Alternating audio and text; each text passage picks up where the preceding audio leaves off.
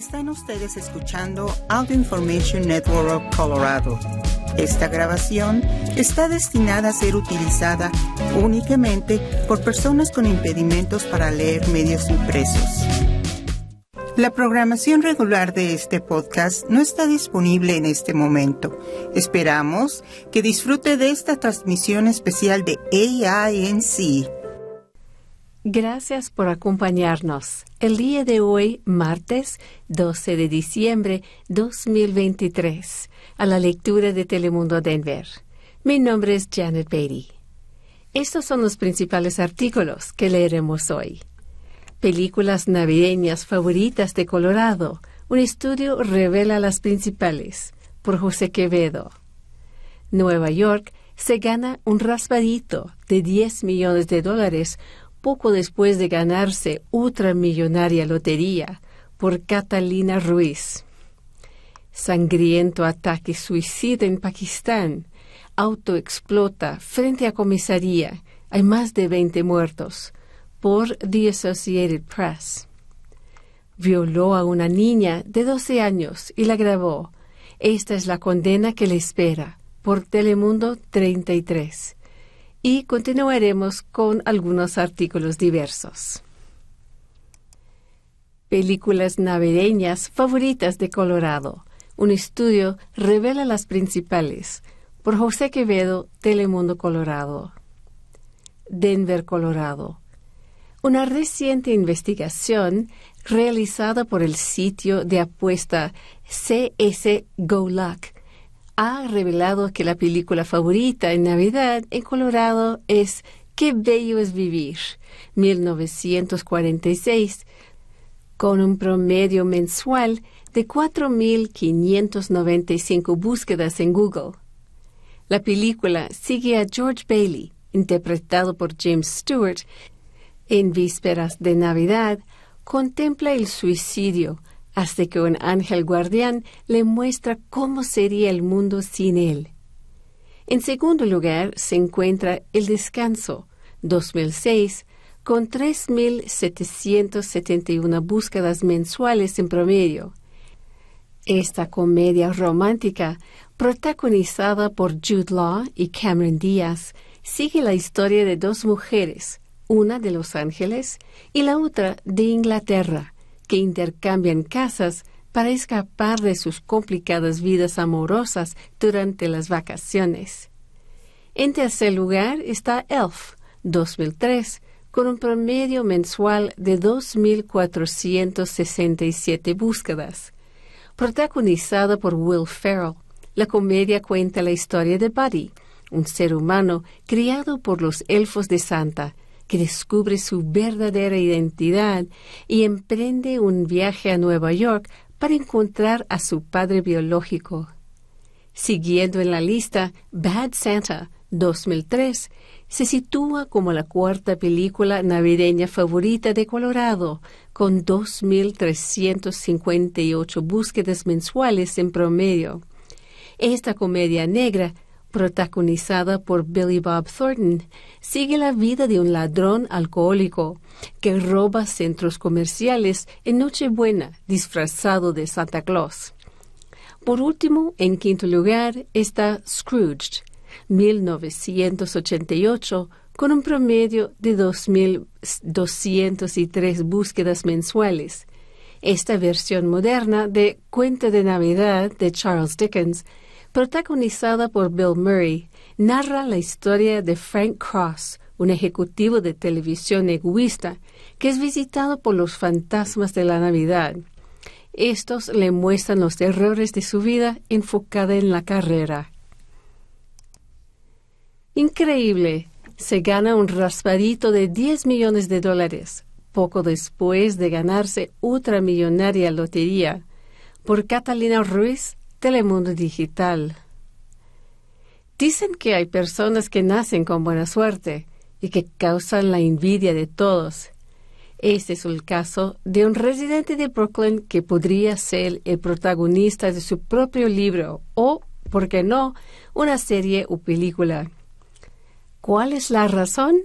Wayne Murray se ganó el premio mayor de 10 millones de dólares de un raspadito un año después de haberse ganado otros 10 millones de dólares en otro raspadito.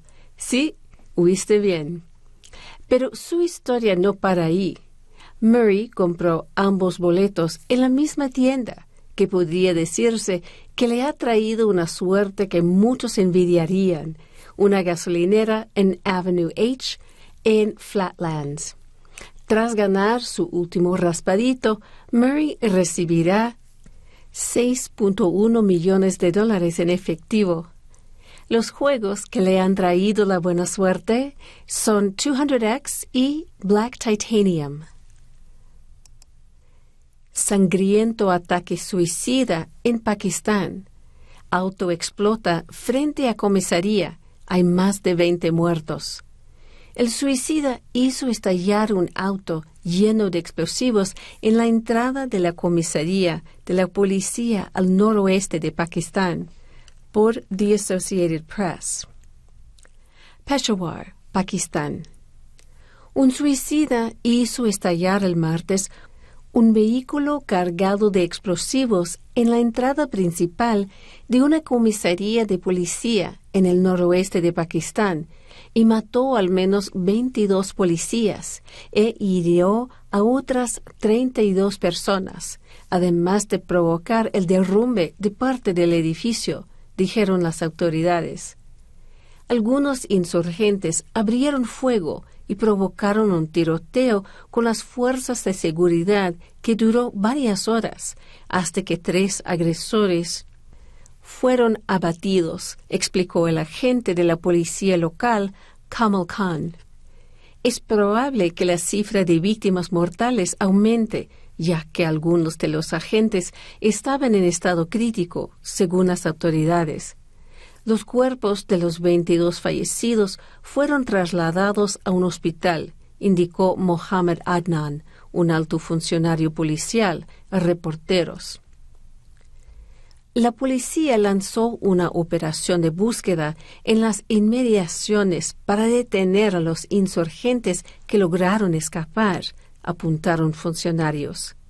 Según Khan, el ataque ocurrió en Dera Ismail Khan, una ciudad de la provincia de Khyber Pakhtunkhwa, en la frontera con Afganistán. La región es un antiguo bastión del Talibán de Pakistán, el grupo insurgente también conocido como Tehrik y Talibán Pakistán o TTP. Un nuevo grupo extremista, Tehrik-e-Jihad Pakistán o TGP, que se cree que es una excisión de TTP, se atribuyó la responsabilidad por el ataque en un comunicado en el que apuntó que su acción tenía como objetivo a los policías que estaban en la comisaría. Un gran número de efectivos de las fuerzas de seguridad de todo el país han tenido una presencia constante en la comisaría de Darabán, donde realizan operaciones de inteligencia contra los insurgentes en la zona con la ayuda de policía local, apuntó Khan. El ministro interino del Interior, Sarfraz Bukti, denunció la masacre en un comunicado y transmitió sus condolencias a los mártires pero no pudo confirmar de inmediato la cifra de policías muertos en un ataque que calificó de acto de terrorismo. Perdón. Khyber Pakhtunkhwa ha registrado un aumento de la violencia con varios ataques letales.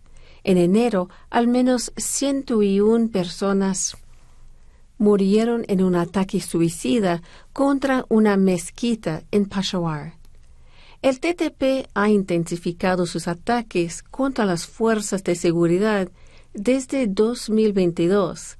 Las autoridades apuntan que los insurgentes se han evalentonado al vivir abiertamente en Afganistán desde que el talibán se hizo con el poder allí en 2021. El TTP, aunque es un grupo independiente, tiene una alianza muy estrecha con los talibanes afganos.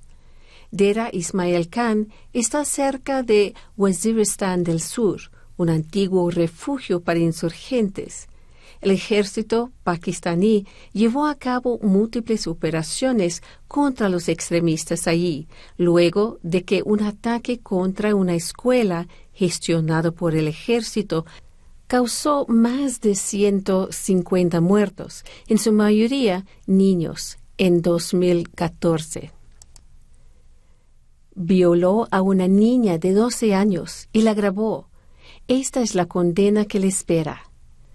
Donald Frambo tenía una relación con un familiar de la víctima, según el fiscal de distrito del condado Sacramento, por Telemundo 33. Sacramento. Condenan a 137 años tras las rejas a Donald Frambo, también conocido como Rico the Producer, por abuso sexual contra una menor. El juez Michael Sweet dictó sentencia después de que el productor musical fue encontrado culpable el 29 de agosto del 2023 de siete cargos de actos lascivos contra un menor, seis cargos por actos lascivos por la fuerza contra un niño y un cargo de posesión de material obsceno de un menor indica el comunicado de la oficina del fiscal de distrito del condado Sacramento. Fambro sostenía una relación con un familiar de la víctima y comenzó a contactar a la menor a través de mensajes de texto cuando tenía 12 años. Lo hacía desde números de teléfonos anónimos, le indicaba a dónde tenía que ir y lo que tenía que hacer. Fambro también grabó a la víctima en una recámara y en la regadera sin que ella lo supiera y la acosó sexualmente en múltiples ocasiones, agrega el documento. Muchos de los actos de agresión contra la menor implicaron el uso de la fuerza, el miedo y la coacción, Fambro grabó en varias ocasiones las relaciones sexuales que sostuvo con la víctima, concluye el documento. El jurado también encontró cierta una acusación de contacto sexual y el tribunal consideró cierta la incriminación contra Fambro por robo en primer grado. Gobierno de Estados Unidos restringe visas a congresistas guatemaltecos. Las restricciones de visas impuestas por Washington incluyen también a familiares de los funcionarios, empresarios y congresistas, informó el Departamento de Estado por Gisela Salomón. The Associated Press.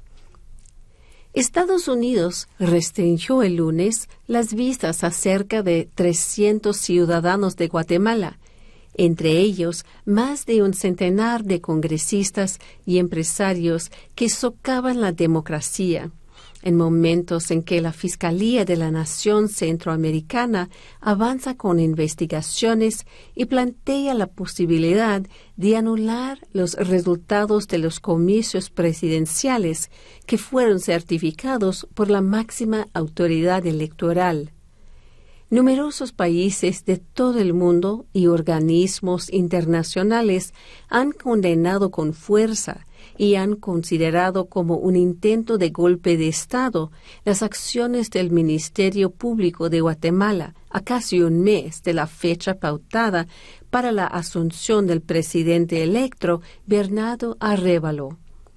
El gobierno del presidente Joe Biden no reveló los nombres de los guatemaltecos sancionados.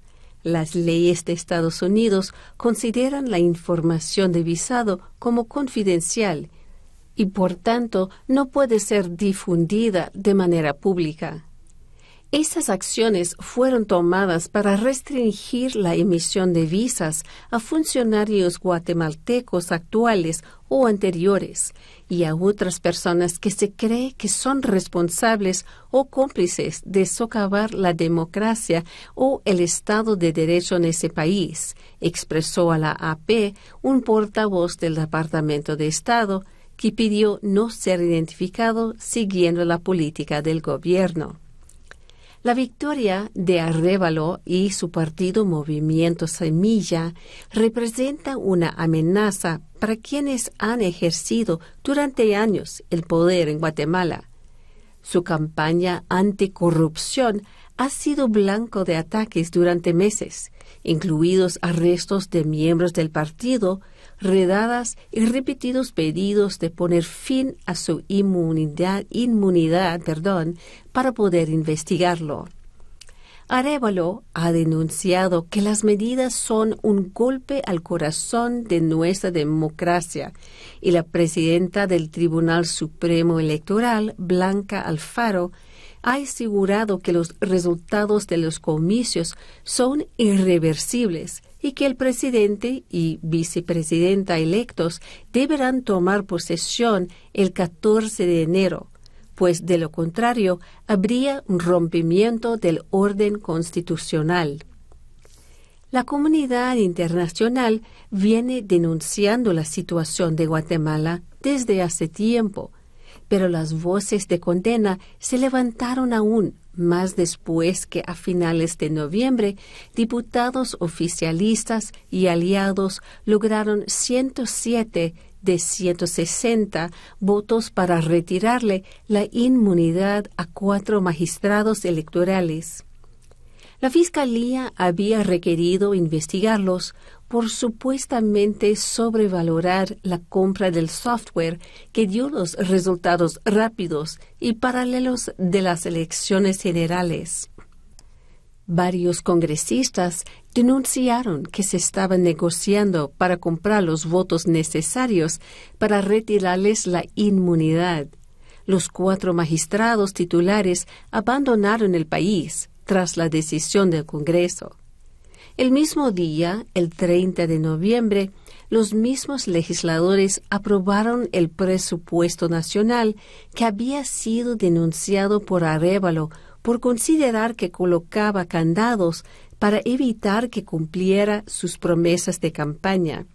El presidente electo también lo había rechazado por conceder a entidades como el Ministerio Público y la Corte Suprema de Justicia aumentos de fondos a cambio de mantener inmunidades. La OEA consideró las acciones de la Fiscalía como un golpe de Estado y su misión electoral en Guatemala ha expresado extrema preocupación por lo que considera como una alteración clara del proceso y un desconocimiento a la expresión del voto y la voluntad popular.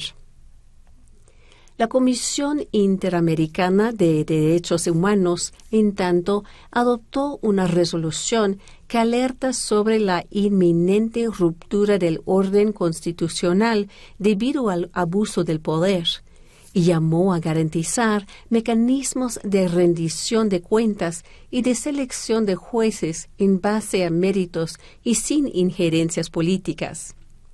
Las restricciones de visas impuestas por Washington incluyen también a familiares de los funcionarios, empresarios y congresistas, informó el Departamento de Estado.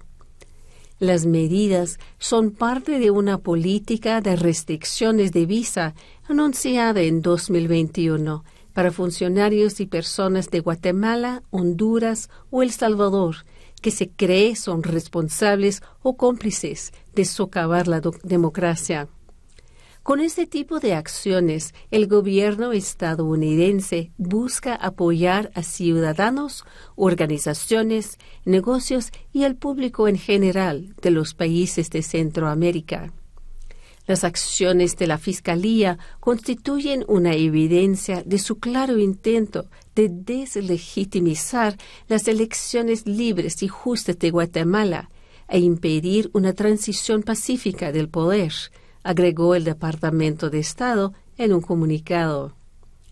Además de las acciones contra el presidente electo, mencionó otras acciones antidemocráticas entre ellas la eliminación de la inmunidad a magistrados electorales, la persecución a miembros de la oposición, la intimidación a manifestantes, allanamientos a instalaciones donde se guardan registros electorales y la apertura de urnas. La población guatemalteca ha hablado con su voto, indicó el gobierno de Biden en el comunicado. Sus voces deben ser respetadas. Corte Suprema de Texas falla en contra de una mujer luego que ella optara por abortar fuera del estado. La prohibición del aborto en Texas hace excepciones limitadas cuando la vida de la madre está en peligro, pero no en el caso de anomalías fetales. Por Paul J. Weber, The Associated Press y NBC News.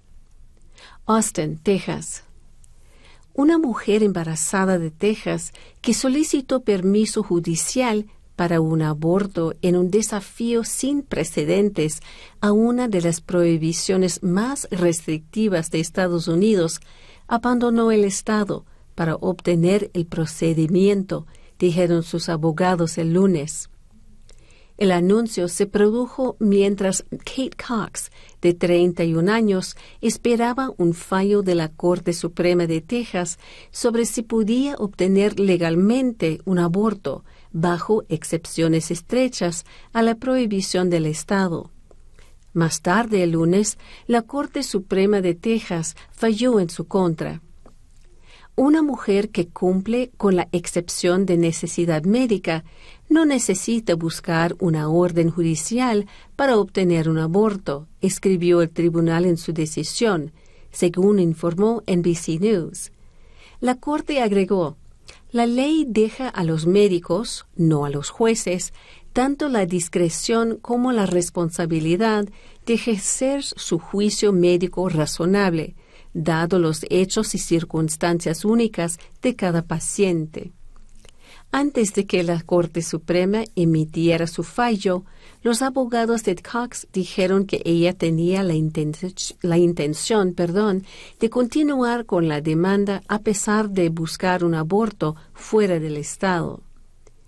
Debido a que los temas en este caso pueden repetirse, pero evadir la revisión, los demandantes tienen la intención de continuar con su caso, dijo Molly Dwayne, abogada principal del Centro de Derechos Reproductivos, que representa a Cox, en un expediente judicial el lunes.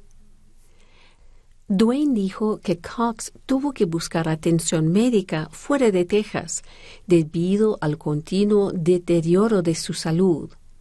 Un juez le dio permiso a Cox, madre de dos hijos del área de Dallas, la semana pasada, pero esa decisión fue suspendida por la Corte Superior totalmente republicana del Estado. Su salud está en juego. Ha estado entrando y saliendo de la sala de emergencias y no podía esperar más, dijo Nancy Northrop, presidenta y directora ejecutiva del Centro de Derechos Reproductivos, que representaba a Cox.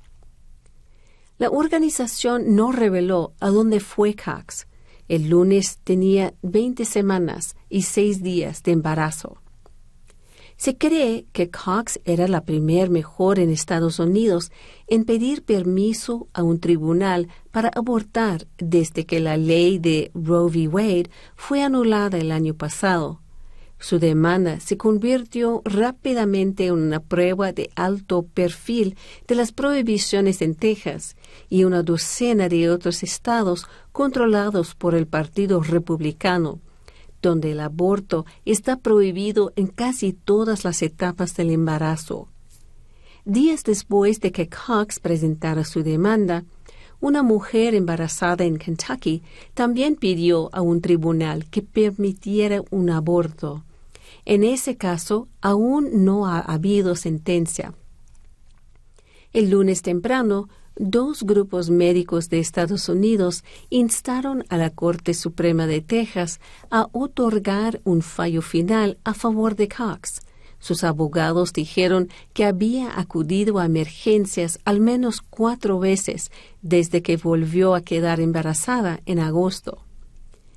El clima de miedo generalizado entre la comunidad médica de Texas seguramente empeorará con este caso, y las acciones del Estado al oponerse al aborto que la señora Cox necesita, se lee en el escrito, que fue presentado por el Colegio Americano de Obstetras y Ginecólogos y Sociedad de Medicina Materno-Fetal. La prohibición del aborto en Texas hace excepciones limitadas cuando la vida de la madre está en peligro, pero no en el caso de anomalías fetales. El fiscal general republicano de Texas, Ken Paxton, que ha defendido las estrictas leyes antiaborto del Estado durante casi una década, argumentó que Cox no demostró que el embarazo pusiera su vida en peligro la legislatura de Texas no tenía la intención de que los tribunales se convirtieran en puertas giratorias de permisos para obtener abortos, escribió la oficina de Paxton en un documento presentado ante la Corte Suprema del Estado la semana pasada. Los médicos le dijeron a Cox que su feto tiene una condición conocida como trisomía 18, que tiene una probabilidad muy alta de aborto espontáneo o muerte fetal y bajas tasas de supervivencia, según su demanda presentada la semana pasada en Austin. También le dijeron a Cox que inducir el parto o llevar al bebé a término podría poner en peligro su capacidad de tener otro hijo. La trisomía 18 ocurre en aproximadamente uno de cada 2.500 embarazos diagnosticados, dijeron los médicos al tribunal en el escrito presentado el lunes. Según el informe, no hay nacidos vivos en aproximadamente 70% de los embarazos con diagnóstico que se producen después de las 12 semanas de edad gestacional. La inflación sigue desacelerándose en Estados Unidos. En noviembre se situó en 3.1%. El reporte de inflación de noviembre refleja que los aumentos de las tasas de interés de la Reserva Federal están contrarrestando los repuntes en los precios al consumidor. Por Telemundo Digital y NBC. Los precios para los consumidores estadounidenses subieron levemente en el último mes, pero el ritmo de inflación continuó desacelerándose respecto al año pasado, según el informe más reciente de la Oficina de Estadísticas Laborales. La inflación en Estados Unidos disminuyó el mes pasado al 3.1%, en un nuevo indicio de que los aumentos de las tasas de interés aplicados por la Reserva Federal están logrando su cometido de mitigar los repuntes en los precios al consumidor. El reporte emitido este martes por el Departamento de Trabajo muestra que los precios disminuyeron o aumentaron más lentamente en una amplia gama de bienes y servicios, incluyendo gasolina, autos nuevos y usados, habitaciones de hotel y vivienda. La inflación en general varió levemente de septiembre a octubre, con un ligero aumento de solo un 0.1% la inflación se ha ido desacelerando gradualmente en los últimos meses, después de alcanzar un máximo de 40 años del 9.1% en junio de 2022, en medio de la pandemia del COVID-19. Si bien una inflación más lenta significa que los precios de muchos bienes siguen subiendo, la tasa más lenta facilita que los consumidores se ajusten hay algunas señales de que los consumidores se sienten mejor acerca del estado de la economía a medida que la inflación se enfría, aunque se sienten presionados por las altas tasas de interés de las tarjetas de crédito y los altos costos de la vivienda. Si la inflación se mantiene estable o continúa disminuyendo, es más probable que la Reserva Federal mantenga las tasas de interés donde están en lugar de aumentarlas más. La Reserva Federal que hará su última revisión de tasas de interés del año el miércoles, aumentó drásticamente las tasas desde principios de 2022 hasta mediados de 2023 para tratar de contener la inflación. Sin pasaporte ni visa, Polizón logra viajar en avión desde Europa a California, según autoridades. Según funcionarios, el hombre no estaba en la lista de embarque del vuelo y llegó sin documentación al Aeropuerto Internacional de Los Ángeles, LAX, por Misael Soto. Una denuncia penal presentada contra un hombre que voló de Dinamarca a Los Ángeles sin pasaporte, visa o boleto de avión proporciona detalles sobre una extraña serie de eventos durante y después del vuelo. Sergei Ochigava, que según las autoridades es de Rusia, llegó el 4 de noviembre alrededor de la 1 p.m. al Aeropuerto Internacional de Los Ángeles, LAX, en un vuelo de Scandinavian Airlines, que despegó de Copenhague. En el puesto de control de aduanas y protección fronteriza, CBP, en LAX, los oficiales descubrieron que Ochigava no figuraba como pasajero en lista de embarque del vuelo.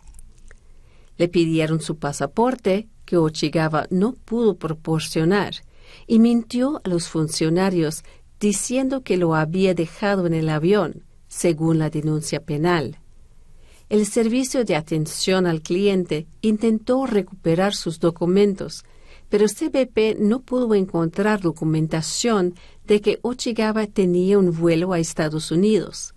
Según el supervisor de CBP, Ochigava debería haber estado en su sistema si tenía una reserva para un vuelo. No se recuperó ningún pasaporte, pero los funcionarios encontraron una identificación rusa e israelí entre sus pertenencias personales.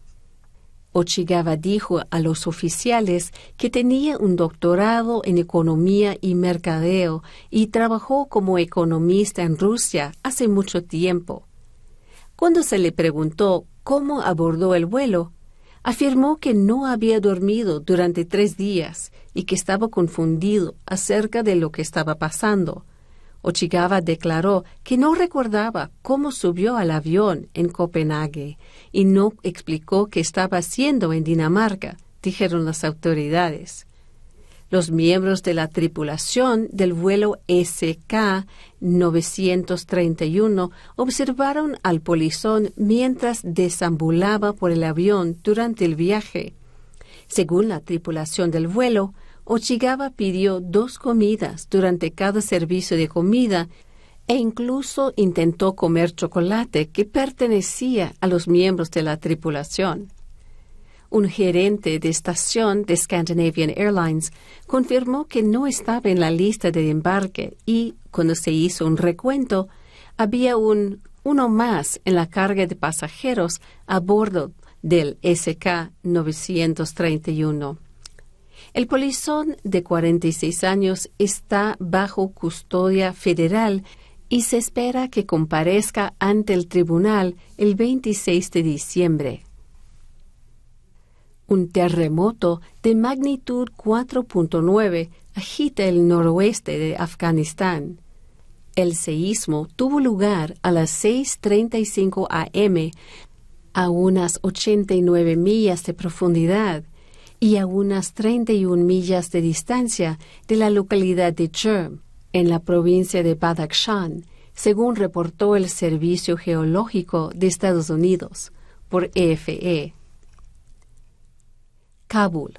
Un terremoto de magnitud 4.9 sacudió este martes el noreste de Afganistán, cerca de la frontera con Pakistán y Tayikistán, sin que las autoridades hayan reportado víctimas mortales por el momento.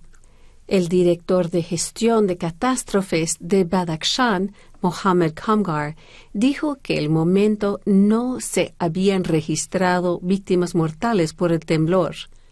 Afganistán es sacudido con frecuencia por terremotos, especialmente en la cadena montañosa del Hindu Kush, ubicada en el este del país, un punto de gran actividad sísmica y habitual punto de origen de movimientos telúricos en la región.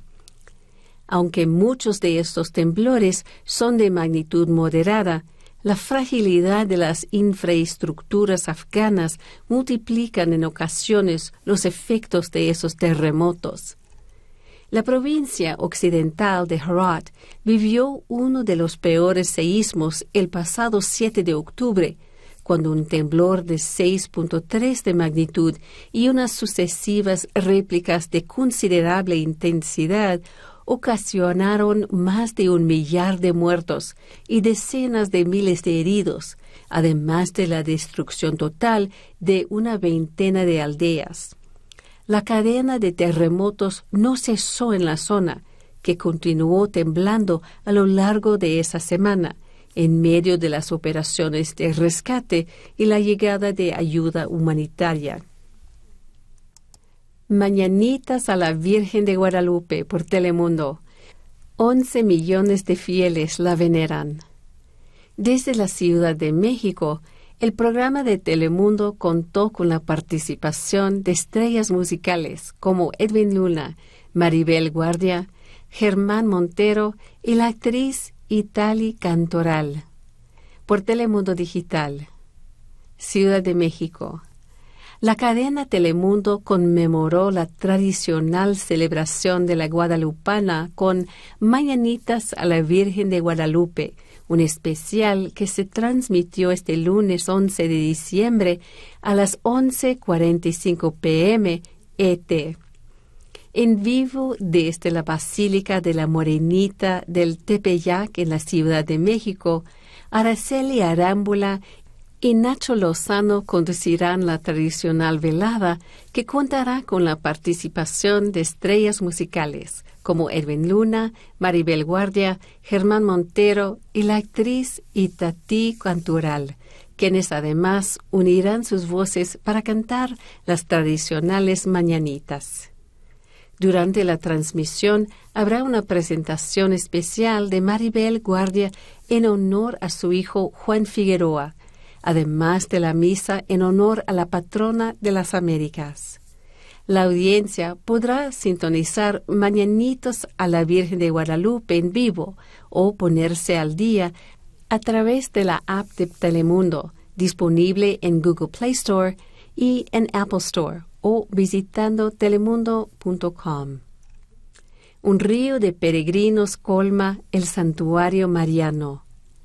Las autoridades mexicanas con el gobierno de Ciudad de México al frente, se alistan para recibir al menos a 11 millones de peregrinos y peregrinas de todo el mundo para venerar a la Virgen de Guadalupe, con motivo del Día de Nuestra Señora de Guadalupe, que se celebra el 12 de diciembre millones de personas viajan de todos los rincones de México, de otros países de América e incluso de otros continentes a la Basílica de Guadalupe, en la capital mexicana, para agradecer a la Virgen sus dichas y pedirle que obre por los familiares enfermos, entre otras peticiones personales.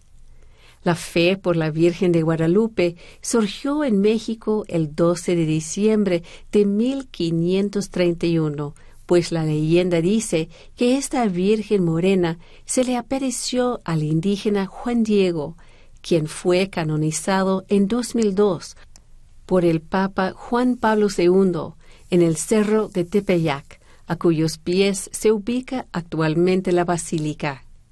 Este fervor puede romper récords este 2023, pues el año pasado se estimó la llegada de unos 10 millones de visitantes y ahora vamos a tener por lo menos 11 millones de peregrinos visitando la Basílica de Guadalupe, aseguró el pasado domingo el jefe de gobierno de la Ciudad de México, Martí Batres.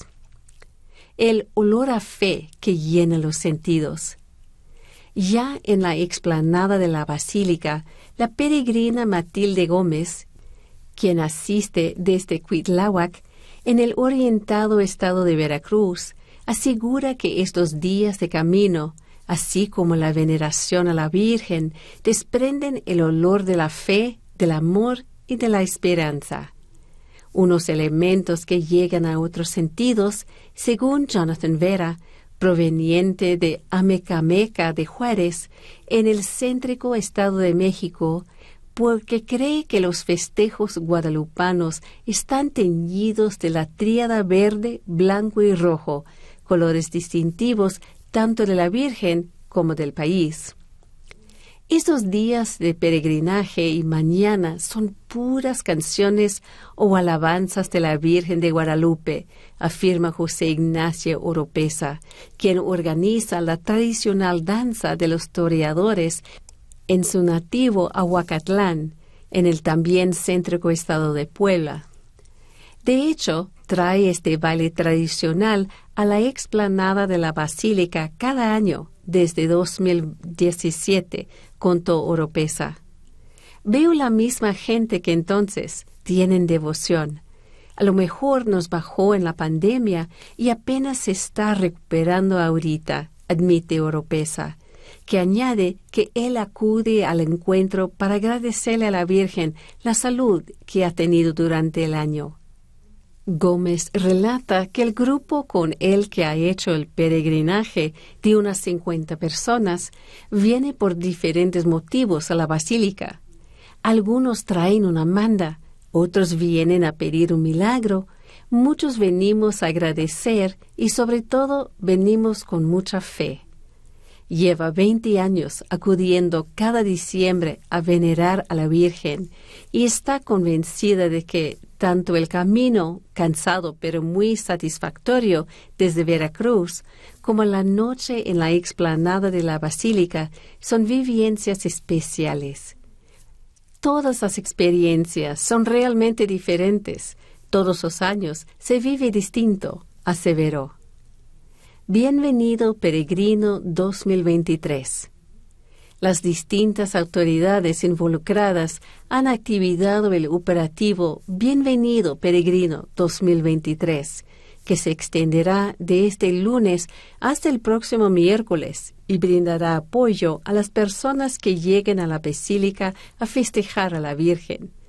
Según fuentes del Ejecutivo local, el plan cuenta con 22.359 personas involucradas, así como servicios de emergencias, distintos puntos de descanso e hidratación y asistencia en cuanto a alimentos.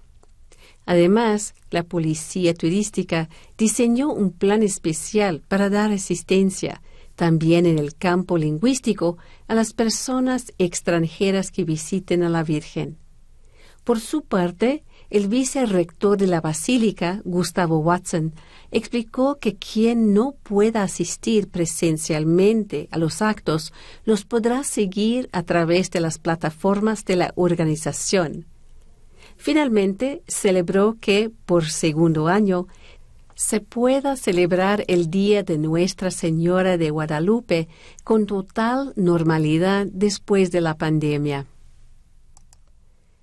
Republicanos de la Cámara Baja votarán esta semana para formalizar un juicio político contra Biden.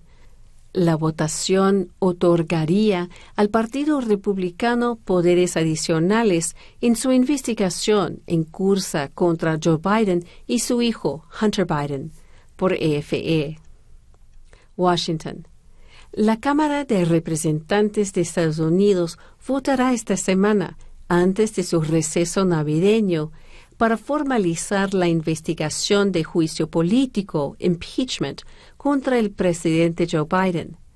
Así lo anunció este martes el presidente de la Cámara Baja, el republicano Mike Johnson, dejando abierta la puerta a que el voto sea entre el miércoles y el jueves.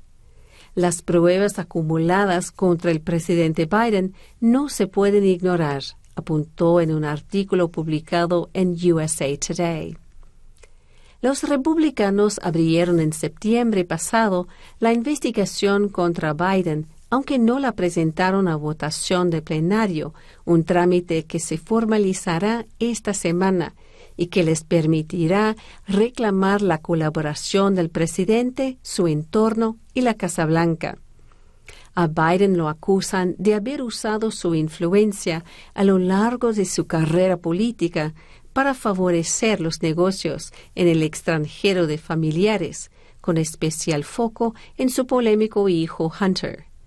De hecho, Hunter Biden fue citado a declarar a puerta cerrada este miércoles ante uno de esos comités que investigan la causa, pero no está claro que cumpla la citación. El hijo del presidente está imputado en dos procesos, uno por evasión de impuestos y otro por posesión ilegal de armas. Según Johnson, la familia Biden recibió más de 15 millones de dólares de empresas y los gobiernos de Ucrania, Rusia, Kazajistán, Rumanía y China entre 2014 y 2019. Sus socios habrían recibido otros 9 millones de dólares. También acusan a Biden de haberse reunido al menos 22 veces con socios extranjeros de su hijo. Los republicanos habían evitado hasta el momento someter el juicio político a votación del plenario de la Cámara de Representantes, ya que con su débil mayoría 221 a 213 necesitan que casi todos sus miembros lo apoyen. Varios de los congresistas conservadores tienen un perfil moderado y fueron elegidos en distritos en los que Biden ganó las elecciones presidenciales, por lo que podrían preferir no tener que asumir esa decisión. El hecho que el liderazgo republicano se sienta cómodo sometiendo el impeachment a un voto significa que lo más probable es que estos legisladores considerados moderados van a apoyar formalizar la investigación. El congresista Pete Aguilar, presidente del caucus demócrata en la Cámara Baja, dijo en una rueda de prensa en el Capitolio que la votación de esta semana es la culmen de la agenda extremista que los republicanos llevan un año desarrollando. Obviamente, añadió, quieren perjudicar al presidente Biden para distraer del hecho de que han convertido este hemiciclo en el menos productivo en la historia del Congreso. Si la investigación que los republicanos quieren formalizar esta semana arroja algún fruto en el futuro, deberán redactar una acusación, lo que se conoce como artículos de impeachment, que tendrán que ser sometidos de nuevo a votación de la Cámara Baja. En caso de que esos artículos sean aprobados solo con una mayoría simple, el Senado, donde los demócratas tienen mayoría, deberá realizar un juicio político contra el presidente. Biden solo sería destituido de su cargo si dos terceras partes de esa Cámara votan en ese sentido. Un panorama imposible de imaginar en el actual contexto político. Presidenta de Harvard permanecerá en medio de protestas de comentarios antisemáticos. Claudine Gay y sus homólogos de la Universidad de Pensilvania y del Instituto Tecnológico de Massachusetts recibieron duras críticas después de comparecer en una audiencia en la Cámara la semana pasada por Daniel Arkin, NBC News. Claudine Gay la seriada presidenta de la Universidad de Harvard seguirá en el cargo, anunció el martes la junta directiva de la escuela, luego de casi una semana de protestas por el testimonio que dio en una audiencia en el Congreso sobre antisemitismo. Como miembros de la corporación Harvard, Hoy reafirmamos nuestro apoyo al liderazgo continuo del presidente Gay en la Universidad de Harvard. Nuestras extensas deliberaciones afirman nuestra confianza en que el presidente Gay es el líder adecuado para ayudar a nuestra comunidad a sanar y abordar los problemas sociales muy graves que enfrentamos, dijo la corporación Harvard en una declaración firmada por los becarios de la universidad. La presidenta Gay se disculpó por cómo manejó su testimonio ante el Congreso y se comprometió a redoblar la lucha de la universidad contra el antisemitismo, decía el comunicado. Gay fue nombrado presidente de la universidad hace menos de seis meses. Es la segunda mujer y la primera persona negra en dirigir la institución de la Ivy League. Gay y sus homólogos de la Universidad de Pensilvania y del Instituto Tecnológico de Massachusetts recibieron duras críticas después de comparecer en una audiencia de la Cámara la semana pasada y parecieron eludir la pregunta de si los estudiantes que pedían el genocidio de los judíos deberían ser castigados. En un polémico intercambio con la representante Liz Stefanik, republicana por Nueva York, Gay dijo que ese tipo de discurso es personalmente aborrecible para mí y está en desacuerdo con los valores de Harvard. Stefanik luego presionó a Gay. ¿No puedes decir aquí que va en contra del código de conducta de Harvard? Gay no respondió directamente y dijo en parte aceptamos un compromiso con la libre expresión incluso de opiniones que son objetales, ofensivas y llenas de odio. Es cuando ese discurso que se convierte en una conducta que viola nuestras políticas contra el acoso, la intimidación. En una entrevista con el periódico estudiantil Harvard Crimson, publicada el viernes, Gay se disculpó por sus comentarios y dijo en parte, quedé atrapado en lo que se había convertido en ese momento en un intercambio prolongado y combativo sobre políticas y procedimientos. No logré transmitir cuál es mi verdad, dijo.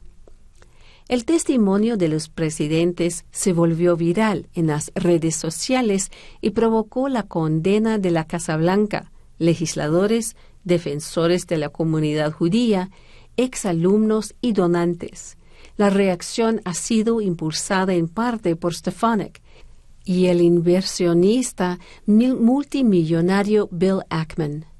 El furor empujó a Harvard a una crisis y las demandas de que Gay dejara su trabajo parecieron ganar fuerza durante el fin de semana, después de que la presidenta de Penn, Liz McGill, demitiera.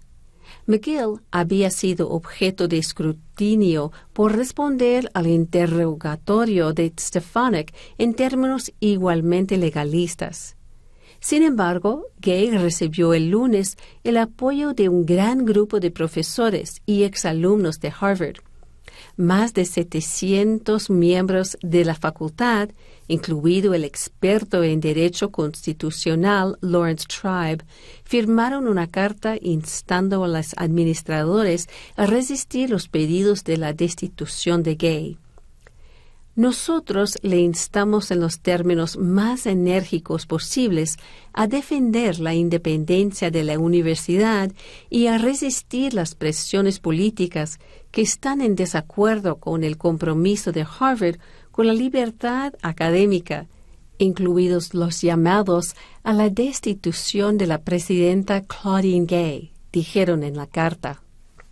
El trabajo crítico de defender una cultura de libre investigación en nuestra diversa comunidad no puede continuar si dejamos que su forma sea dictada por fuerzas externas, continúa la carta. NBC News obtuvo el texto de la carta de la profesora de historia Alison Frank Johnson, uno de los miembros de la facultad que encabezó el esfuerzo. En una carta separada, el Comité Ejecutivo de la Asociación de Antiguos Alumnos de Harvard dijo que la respaldaba unánime e inequívocamente a Gay Tenemos plena confianza en su liderazgo durante este momento difícil, escribieron los miembros del comité. Gracias por habernos acompañado en esta emisión de Telemundo Denver. Mi nombre es Janet Beatty.